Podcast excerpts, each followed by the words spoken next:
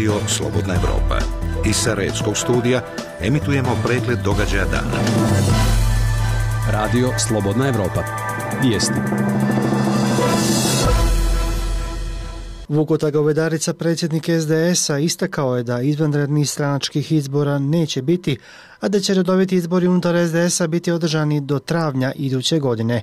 On je kazao da mu je glavni odbor SDS-a dao podršku da pozicionira stranku, te da neće koalirati sa SNSD-om, niti dati podršku kadrovima te stranke. Sutra će u Banja Luci biti održana konstitutivna sjednica novog desetog saziva Narodne skupštine Republike Srpske.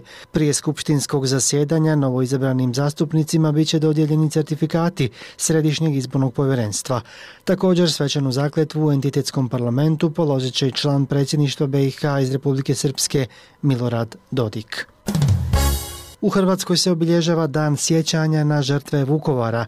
Na današnji datum 1991. godine grad je nakon tri mjeseca opsade pao u ruke Jugoslovenske narodne armije i srpskih paravojnih jedinica, nakon čega je krenuo masovni progon nesrpskog stanovništva. Više od 7000 osoba je završilo u logorima, a na Ovčari je u jednom danu ubijeno više od 250 ljudi.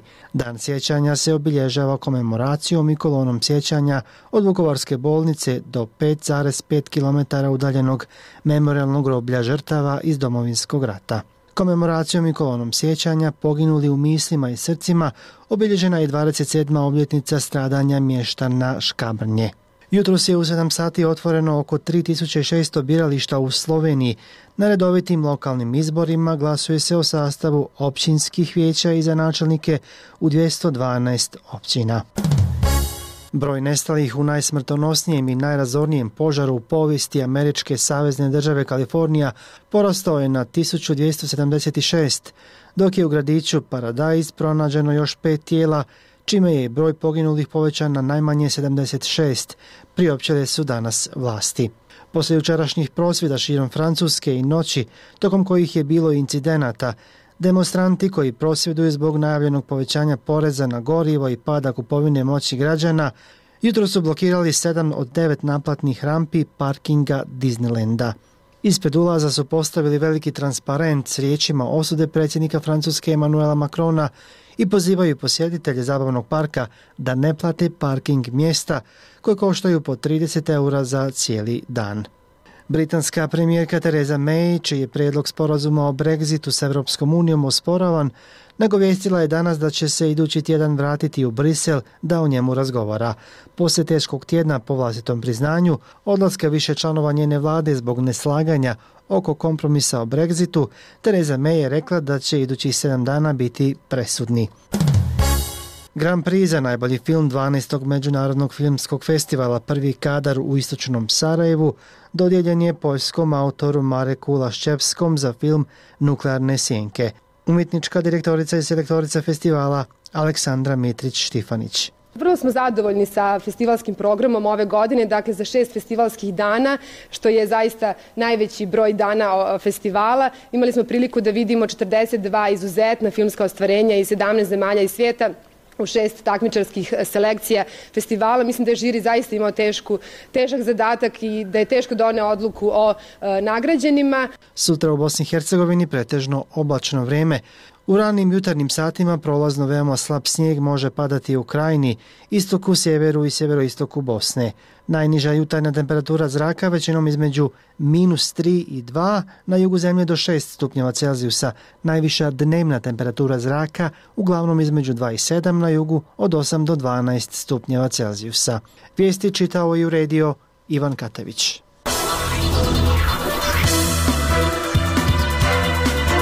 Radio Slobodna Evropa, program za Bosnu i Hercegovinu. Na vratima Evrope. Emisija o evropskim integracijama. Srdačan pozdrav, poštovani slušalci. U emisiji koja je pred nama između ostalog možete čuti Šta se nalazi u izvještaju Evropske komisije o napretku Srbije? Napredak je zabeležen u institucionalnim reformama, pravima nacionalnih manjina, pranju novca i azilu. U izveštaju se zaključuje da nema vidljivih rezultata u oblasti borbe protiv korupcije. Zašto u Bosni i Hercegovini 83% mladih želi posao u javnom sektoru, a u inostranstvu ne biraju? Prioritet mi je da se u svojoj struci, naravno, zaposlim, javni opet sigurni državni posao je državni posao. U svakom slučaju da je državni posao bolji nego privatni, pa sigurnost prije svega. Više bi volio u javnom sektoru da pronađem posao. Turistička ponuda Foče sa 100.000 posjeta ove godine oborila sve posljeratne rekorde. Bio sam i na Rajni, i na Mozelu, i na Majni. Živim pored reke na Tisi, blizu sam Dunava, višao sam pola sveta i mogu reći da ovo mesto mogu da kažem da mi je jedno od top 5. Vraćamo se najavljenim sadržajima. Reforme za Evropu. Evropska komisija je predala zemljama članicama izvještaj o napretku Srbije u poglavljima 23 i 24 u procesu pristupnih pregovora s Evropskom unijom. Radi se o internom dokumentu koji služi za razmjenu mišljenja među članicama Evropske unije. Šta je to Srbija napravila dobro, a u kojim kasni, čućemo od Đeračine Tuhine. Napredak je zabeležen u institucionalnim reformama, pravima nacionalnih manjina, pranju novca i azilu. U izveštaju se zaključuje da nema vidljivih rezultata u oblasti borbe protiv korupcije, stoga se ističe da kako bi se postigli opipljivi rezultati, neophodno je da se ojača civilno društvo i poboljša koordinacija i kontrola uz opasku da to mora biti propraćeno čvrstom političkom voljom na svim nivoima. Eksperti Evropske komisije zaključuju da Srbija ozbiljno kasni u obezbeđivanju efikasne kontrole njene antikorupcijske politike i poboljšanju koordinacije između svih relevantnih institucija. U dokumentu se podlači da i dalje nije organizovana kampanja u cilju podsticanja i jačanja učešća građana u borbi protiv korupcije. Papir upozorava da komentarisanje postojećih istraga, optužnica ili sudskih postupaka može predstavljati oblik, kako se kaže, neupotrebljivog političkog pritiska ili uticaja na pravosuđe. U poglavlju koje se tiče ratnih zločina u izveštaju Evropske komisije se podlači da u Srbiji dalje nedostaje politika proporcionalnosti kazni što se tiče slobode izražavanja i medija, Nalazi Evropske komisije pokazuju da opšte okruženje i dalje nije pogodno za ostvarivanje ovih prava. U papiru se podlači da su zabrinjavajući slučajevi pretnji, zastrašivanja i nasilja nad novinarima, te da su presude oko ovih pitanja i dalje redka. Govor mržnje i diskriminatorna terminologija se često toleriše u medijima, a redko se time bave regulatorna tela ili tužilaštvo, podlači se u dokumentu, gde se također spominje disproporcionalno korišćenje fiskalne inspekcije kako bi se vršio ekonomski pritisak na medije. Bolje ocene inače Srbija dobila u polju migracije. Kao tranzitna zemlja, ona je nastavila da značajno doprinosi upravljanju mešovitih migracionih tokova, igrajući tako aktivnu i konstruktivnu ulogu i srađivajući efikasno sa susednim zemljama i članicama Evropske unije. Također u dokumentu stoji da postoji dobra bilateralna i regionalna saradnja u upravljanju granica između Srbije i njenih suseda. A gdje su Bosna i Hercegovina i ostale zemlje regije na evropskom putu?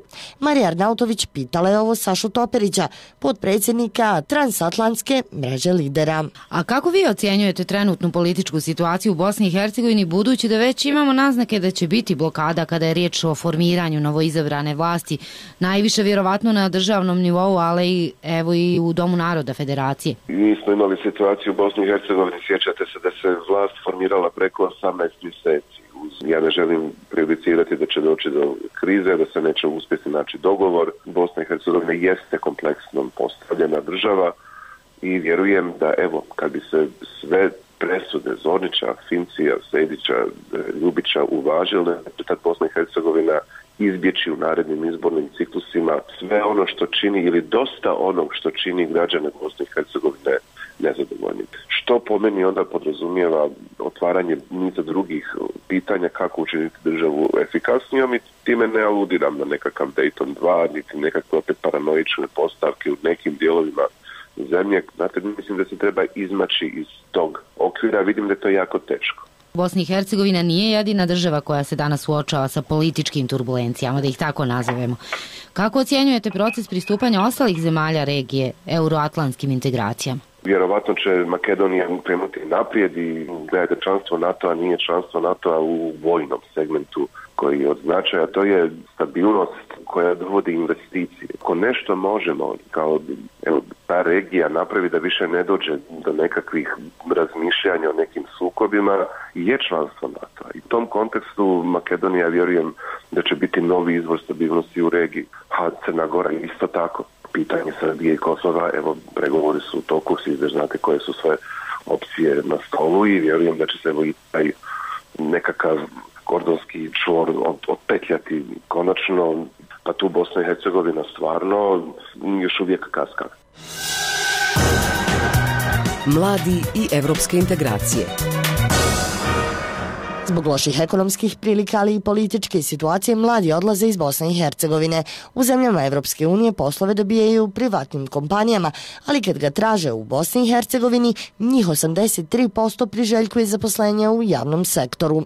Zašto je to tako istražio Arnis Grbešić? Mladim ljudima u Bosni i Hercegovini posao u javnom sektoru privlačnije od radnog mjesta u privatnim firmama. Sudeći prema podacima koje iznosi predstavnik Njemačke fondacije Konrad Adenauer u Bosni i Hercegovini Elvis Konđić, tako razmišlja više od 80% mladih. Ja se bojim da je to pitanje našeg mentaliteta koje se definitivno mora promijeniti. Veliki broj mladih ljudi smatra i roditelja koje te mlade ljude u suštini usmjeravaju da isključivo idu na fakultete, na studije, da studiraju ono što im je dostupno, ne ono za što su zainteresirani, ono što je potrebno tržištu rada. U Jugoslaviji prije rata smo imali jedno istraživanje u kojem je jeli, skoro 73% mladih ljudi htjelo tada da radi u državi, partiji i tako dalje. Fondacija Konrad Adenauer je prije nekoliko godina provela istraživanje u 13 gradova Bosne i Hercegovine sa rezultatom gdje 83% mladih ljudi žele raditi u državi, partiji, institucijama i tako dalje. Kada je posao u pitanju, mladi u Bosni i Hercegovini imaju iste ciljeve kao i njihovi vršnjaci u razvijenim državama Evropske unije. Oni žele sigurnost, pristojnu zaradu, mogućnost napredovanja u struci. Tu i leži odgovor na pitanje zbog čega priželjkuju posao u javnim preduzećima ili institucijama, navodi analitičar Evropske inicijative za stabilnost iz Berlina Adnan Čerimagić mladi u stvari žele siguran posao koji će im omogućiti uh, stalna primanja na kojim će imati određenu dozu zaštite svojih prava i koji će im omogućiti da u određenom periodu ili napreduju ili, ili, ili da imaju mogućnost da možda čak i, i, i više zarade. I to je ono što i percepcija i javnosti i mladih u Bosni i Hercegovini da se osigurava kroz posao u javnom sektoru. Također kad se mladi pitaju da li bi napustili Bosni i Hercegovini otišli u zemlje Europske unije, također veliki e, broj ljudi kaže da bi želo. Njihova mogućnost da se zaposle u javnim firmama u zemljama članicama Europske unije su dosta uh, malo, obično ako dođu, uh, zaposleni su u privatnim firmama. Znači, mlade nije strah od privatnih firmi, već jednostavno i uh, kada dođe u Europsku uniju zapošljavaju se ima zato što upravo i te, zbog te, da kažem, percepcije, odnosno očekivanja da će im taj posao omogućiti pristojne prihode i omogućiti im određena prava. Da brojni mladi u Bosni i Hercegovini nemaju puno povjerenja u posao u privatnim firmama, potvrđuju i odgovori zabilježeni u Doboju. Govore Igor Miletić, Duška Ristić i Stefan Vučković. Prioritet mi je da se u svojoj struci, naravno, zaposlim, javni opet, sigurni, državni posao je državni posao. U svakom slučaju da je državni posao bolji nego privatni. Pa sigurnost prije svega. Više bi volio u javnom sektoru da pronađem posao. Sigurnije su plate prije svega osiguranje. U privatnom sektoru to ništa nije sigurno u današnje vrijeme. Ova kategorija stanovništva teško se odlučuje i na pokretanje vlastitog posla. Nedostatak početnog kapitala pod povoljnim uslovima jedan je od glavnih razloga. Pokazala su brojna istraživanja u posljednjih nekoliko godina. Osim nedostatka novca, kao razloge navodili su strah od neuspjeha i korupcije, nelojalnu konkurenciju, loše stanje u državi, lošu poresku politiku i poreze. A evo što o otvaranju vlastite firme misli Adem Šačirović, koji je nedavno u Tešnju registrovao radionicu za preslačenje automobila folijama. Malo je problem usudit se rizikovat da napustiš firmu i trebaš uložiti i para i, i trebaš imati dosta dobro znanje da bi počeo za sebe raditi i treba se dokazati da budeš bolji nego neko drugi da bi vam mušterija poverila posao. Šačirović je inače nakon promocije urađenih automobila na društvenim mrežama dobio nekoliko poslovnih ponuda iz inostranstva. Nije prihvatio ni jednu. Ljudi iz inostranstva su mogli da vide moje radove, što je ucalo na to da je, sam imao ponudu za Norvešku, Njemačku i Švicarsku. Nuđene su mi uslovi, čovjek mi dao 3.500 eura, platu, plaćene obaveze, a nisam prihvatio iz tog razloga zato što ovdje imam dovoljno posla. Biti sam svoj gazda Šačiroviću je bilo bolje rješenje od nastavka rada u jednoj privatnoj firmi jer danas bolje zarađuje. Adnan Čerimagić iz Evropske inicijative za stabilnost kaže i da u razvijenim evropskim ekonomijama u pogledu zaštite radničkih prava ne postoji razlika između javnog i privatnog sektora. To je lekcija koja mora biti naučena i u Bosni i Hercegovini. U zemljama članicama Europske unije i zaštite e, radničkih prava u privatnom sektoru je, e, da tako kažem, na, na sličnom listom nivou kao, kao u javnom sektoru. Tako da imate i država u kojim je naravno problem pronaći kvalitetne radnike za, za javnu upravu, na primjer, iz razloga zato što jednostavno finansijski i sa onim što se radi u okviru tog posla, e, primamljivije su, primamljivije su poslovi u privatnom sektoru. I dok pojedine grane privrede stagniraju, turizam je u usponu. Najuspješniju sezonu nakon rata sa preko stotinu hiljada posjeta zabilježio je Nacionalni park Sutjeska. Turisti iz cijelog svijeta dive se prirodnim ljepotama oko Foče, od najdubljeg kanjona i jedine prašume u Evropi do pješčanih piramida, historijskih i kulturnih spomenika. Posjetio ih je Alen Bajramović. Više od stotinu hiljada turista posjetilo je ove godine Foču i prošlo kroz nacionalni park Sutjeska. Prema podacima iz uprave parka, polovina ih je upravo zbog spomenika učesnicima bitke na Sutjesti iz drugog svjetskog rata i posjetila tjentište. Ljubitelji netaknute prirode, ali i raftinga i uzbuđenja na brzoj tari i nešto mirnijoj drini, uživali su u kampovima na Bastasima, mjestu između Foče i Šćepan polja na granici sa Crnom Gorom. Kanjon Tare dug je 82 km i najdublji u Evropi, drugi u svijetu, odmah nakon Velikog kanjona u Koloradu. Rijeka je duga oko 140 km, a najljepših 40 pripadaju Bosni i Hercegovini.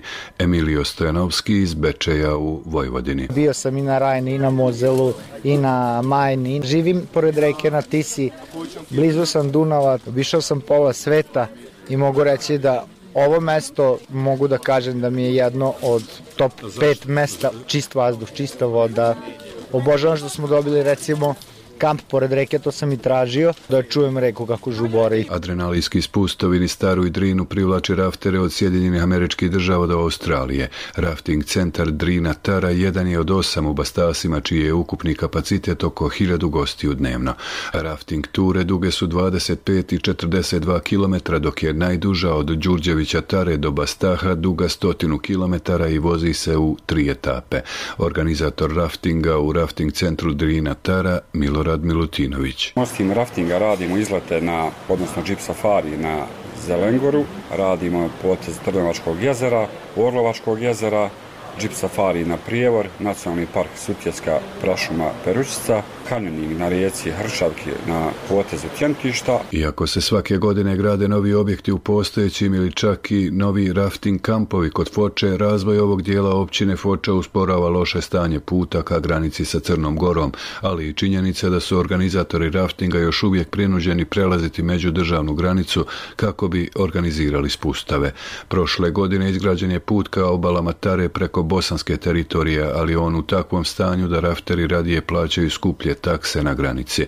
Milutinović pojašnjava. U ovom našem bosanskom dijelu e, prošle godine je započet put i on je otprilike završen. Međutim, tu nisu urađeni nikakvi propusti za vodu. Taj put uopšte ne koristimo. Idemo znači i dalje preko Šćepan polja, to jest ulazimo u Crnu Goru i plaćamo taksu po jednom čovjeku 4 eura i 20 centi. A ovdje su u opštini dogovorili na 4 marke, međutim To je jeftinije, ali to je put koji nije adekvatan za korišćenje. Tragovi često burne historije čuvaju se u Fočanskom muzeju u kojem posebnu pažnju privlači postavka Fočanski period narodno-oslobodilačke borbe. Od 20. januara do 10. maja 1942. godine Foča je bila centar slobodne teritorije koja se zvala i Fočanska republika. U gradu je boravio i centralni komitet komunističke partije Jugoslavije na čelu sa Josipom Brozom Titom i u tom periodu su nastali poznati fočanski propisi, niz pravnih akata koji su postali temelj buduće Jugoslavije.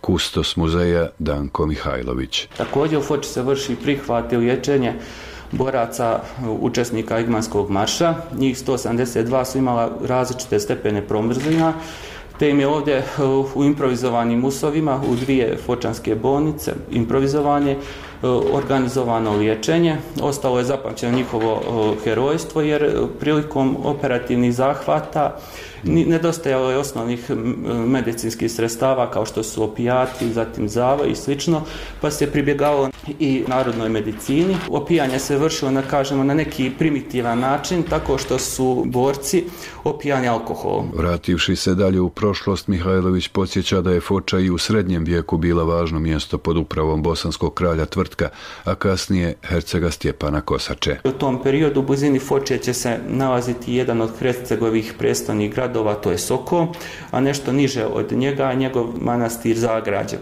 Sve je to smješteno na liticama na mjestu gdje se spajaju piva i tara i nastaje drina. 1466. godine ovo područje pada pod osmansku vlast.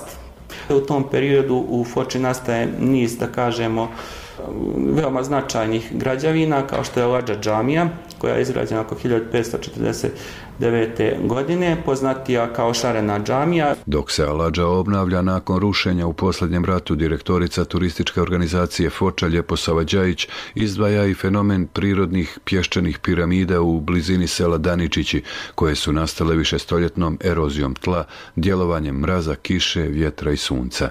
Uz planine, pećine, rijeke i sve druge potencijale, turizam će ovoj lokalnoj zajednici i narednih godina donositi veoma značajne prihode. Povećava se interesovanje gostiju za boravak e, u Foči i samim tim što se e, povećava broj pružalaca usluga e, govori o tome da se tu vidi razvojna šansa i da se tu može napredovati. Ljepotu grada koji se prvi put u pisanim dokumentima pominje davne 1368. godine zasjenili su zločini iz posljednjeg rata. Privreda je uništena iako nije bila na udaru ratnih dejstava, pa turizam danas pruža rijetku priliku za izgradnju ljepše budućnosti. Pitanje je vidjeli vlasti oduševljenost gostiju i svijeta i hoće li izgradnjom infrastrukture podržati napore turističkih radnika koji danas o Foči pričaju neku ljepšu priču.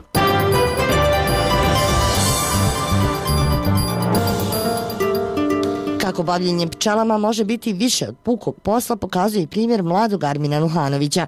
Neiman je građanima Unsko-Sanskog kantona, ali i cijele Bosne i Hercegovine, na raspolaganje stavio i prvu API komoru u kojoj su inhalacije zrakom besplatne, a kasnije proširio usluge i na liječenje pčelinjim ubodom. Priču donosi Dženita Duraković. Kada se sa 16 godina po prvi put susreo sa košnicom pčela, sada 27-godišnji Armin Uhanović nije ni slutio da će toliko zavoljeti ovaj, kako kaže, humani pčelarski poziv i da će svaki slobodan trenutak provoditi ili u pčelinjaku ili u istraživanju pčelinjeg svijeta. Skupa sa ocem Huseinom na porodičnom imanju podno Debeljače prošle godine otvorio je i prvu API komoru u Unsko-Sanskom kantonu u kojoj su inhalacije zrakom iz košnice za sve građane bile besplatne. I danas je tako, samo što su Nuhanovići umeđu vremenu upotpunili terapiju, odnosno počeli sa liječenjem pčelinjem uvodom, što je jedinstven slučaj ne samo u Bosni i Hercegovini, već i regiji. Ovo je neki vid terapije koji se pretežno bazira na, na, na, na kompletnom, znači, konzumaciju, od konzumacije pčelnih proizvoda, meda, polena, propolisa, matične mliječe, perge, pa sve do, do, do pčelinjeg otrova. Znači, tako da smo sad upotpunili taj nekakav ciklus, gdje imamo kompletnu apiterapiju na jednom mjestu. Znači sad smo se bazirali u ovom periodu kad smo završili sa api inhalacijama, jedan određeni vremenski period smo imali da ne kažem prostora da radimo samo sa, sa pčelnim otrovom, odnosno sa ubudima pčele. Armin je inače medicinski radnik, pa je do detalja istražio ovaj vid liječenja i počeo ga primjenjivati. Ovdje znači sve radi kontrol sana pčela se prije nego što, što krene u ubodu pripremi za, za ubod, odnosno skupi se određena količina pčele, osoba koja dolazi pripremimo je, znači objasnimo na kojem dijelu tijela idu ubodi, koliki će broj uboda primiti, sve to zavisi znači od, samo, od samog trenutnog stanja korisnika, a isto tako i od straha koje, koji isti korisnik nama pokazuje. Znači uvijek prvi dan ide jedna pčela i to je nešto, neki uvod. Što želim naglasiti kad dolazi neko, uvijek, uvijek ja volim da ima neko još sa prat, uz tu osobu kao prate, tako da vidi da se to radi tre, samo tretman. Znači da se djeluje na određeni broj pčela, da ima određene tačke na tijelu i naravno treba naglasiti, treba se pratiti vrijeme zadržavanja žavog unutar organizma. Narodski rečeno ono što, što stari pčelar kažu djeluje na sve. Znači, naj, najviše, odnosno najveći efekt kod, kod korištenja pčelnijeg otrova, odnosno same apitoksikacije uboda pčelom, se dešava kod poboljšanja cirkulacije, kod raznih oboljenja mišićnog skeleta, koštanog skeleta, multiple skleroze, e, nekih neki određeni sitnih, da ne kažemo ono što, što, što, na, što je zadebljanje vene ili tako nešto. Znači, može se riješiti sa tom ubodom pčele najveći, najveći efekt se postiže kod oboljenja kičme. Znači. Danas porodica Nuhanović ima oko 120 košnica. Proizvode med iznimne kvalitete zašto su i više struko nagrađivani na sajmovima širom Evrope. A da se dobar glas daleko čuje potvrđuju i svakodnevno popunjeni termini i posjete Nuhanovićima iz svih krajeva kako Bosne i Hercegovine, tako i regije. Nema dana da nismo bili popunjeni do zadnjeg mjesta. Znači čak se je znalo dešava da ostajemo i do kasno u noć da radimo iz tog razloga da bi svi opremili, ono, da, da, da, da svi došli na taj. Imamo sad, ove godine smo imali porucu iz Zagreba koja nam je redovno dolazila. Jedna poruca iz Beograda isto tako je došla. Stvarno, ono, sa svih strana nam već počinju dolaziti. Već imamo sad naručbe za sljedeću godinu osoba koje dolaze izvana, a nisu državljani Bosne i Hercegovine, odnosno su državljani Republike Hrvatske ili Srbije. Znači, već se naruče za ovo. Treba prije nekoliko smo imali posjetu pčelara iz Makedonije koji su došli ciljano u Bihać samo da posjete nas da bi vidjeli kako šta ide, na koji način da bi razmijeli neka iskustva i također nas je postao jedan pčelar iz Amerike. Suad Livadić, tako da smo stvarno i razmijeli dosta iskustva. Već smo već to krenuli, da ne kažem nešto na, na regionalnom nivou. A inhalacija ili liječenje pčelinjim otrovom kod Nuhanovića su i dalje besplatni, jer cilj im nije profitirati ni zaraditi, već jednostavno upoznati ljude sa pčelom i njenim savršenim svijetom. Naravno, ukazati na sve dobrobiti koje konzumacija meda i drugih pčelinjih proizvoda donose našem organizmu. I za kraj idemo do Brčkog, gdje se održao sastanak partnera u projektu preko graničnog održivog upravljanja vodovodnim i kanalom kanalizacijenim sistemima. U ovom projektu vrijednom 1,2 miliona eura učestvuju četiri opštine. Brčko i Pelegićevo iz Bosne i Hercegovine te Sremska Mitrovica i Pećinci iz Srbije. Izvještava Zoran Matkić. Ovim projektom preko granične suradnje planira se izgradnja novih objekata komunalne infrastrukture, nabavka opreme i edukacija kadrova iz ove oblasti. Siniša Milić, gradonačelnik Bočkog distrikta. Riječ je konkretno o projektu održivog vodovodnog upravljanja, dakle kada je u pitanju saradnja ove četiri opštine, benefit distrita Brčko iz ovog projekta jeste negdje novčano izražen oko 280.000 evra, koji će biti izdvojeni za nabavku specijalnog e, vozila za održavanje kanalizacijone mreže, zatim posebnog vozila za snimanje kanal, stanja kanalizacijone mreže i druge još prateće opreme. Brčko distrikt i Sremska Mitrovica i ranije su zajednički radili na projektu prekogranične suradnje po pitanju jačanja zaštite od elementarnih nepogoda koji je realiziran nakon posljednjih katastrofalnih poplava koje su zahvatile čitav region. Tomislav Janković, predsjednik Skupštine općine Sremska Mitrovica, kaže da zajednički rešavamo određene probleme u zaštiti životne sredine. Ono što je za Sremsku Mitrovicu vrlo bitno, to je izgradnje jednog centra za održivi razvoj sa trening centrom za operatera otpadnih voda koji bi bio jedinstven ne samo na prostoru Srema, Srbije, već čitavog regiona i taj centar bi dao jednu značajnu logističku podršku upravo u upravljanju otpadnih voda gde mi imamo situaciju da postoje određeni uh, sistemi za uh, prikupljanje, transport i preradu otpadnih voda, ali mi u Srbiji nemamo eh, takav centar za edukaciju. Prekogranična suradnja općina iz Bosne i Hercegovine i Srbije, osim dobivenog novca iz predpristupnih fondova Evropske unije, ima za cilj i razmjenu iskustava i znanja, kaže Milan Mirić, direktor regionalne razvojne agencije iz Sremske Mitrovice. Uzvratio bi gradonačelniku Miliću za, za jednu dobru saradnju sa, sa regionalnom razvojnom agencijom Srem i pohvalu te saradnje. Ja opet moram da pohvalim da je Brčko distrikt i njegova administracija zaista se pokazala uvek i u implementaciji i u pripremi projekata kao vrlo efikasna i veoma, veoma operativna oko dostavljanja podataka, e, e, potrebnih opisa, statistike koja je neophodna da se prikaže ovakvim projektima i aplikacijama koje su često puta veoma zahtevne.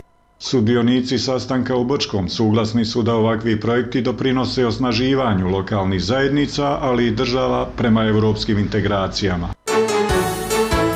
Radio koji vas nije iznevjerio. Radio Slobodna Evropa.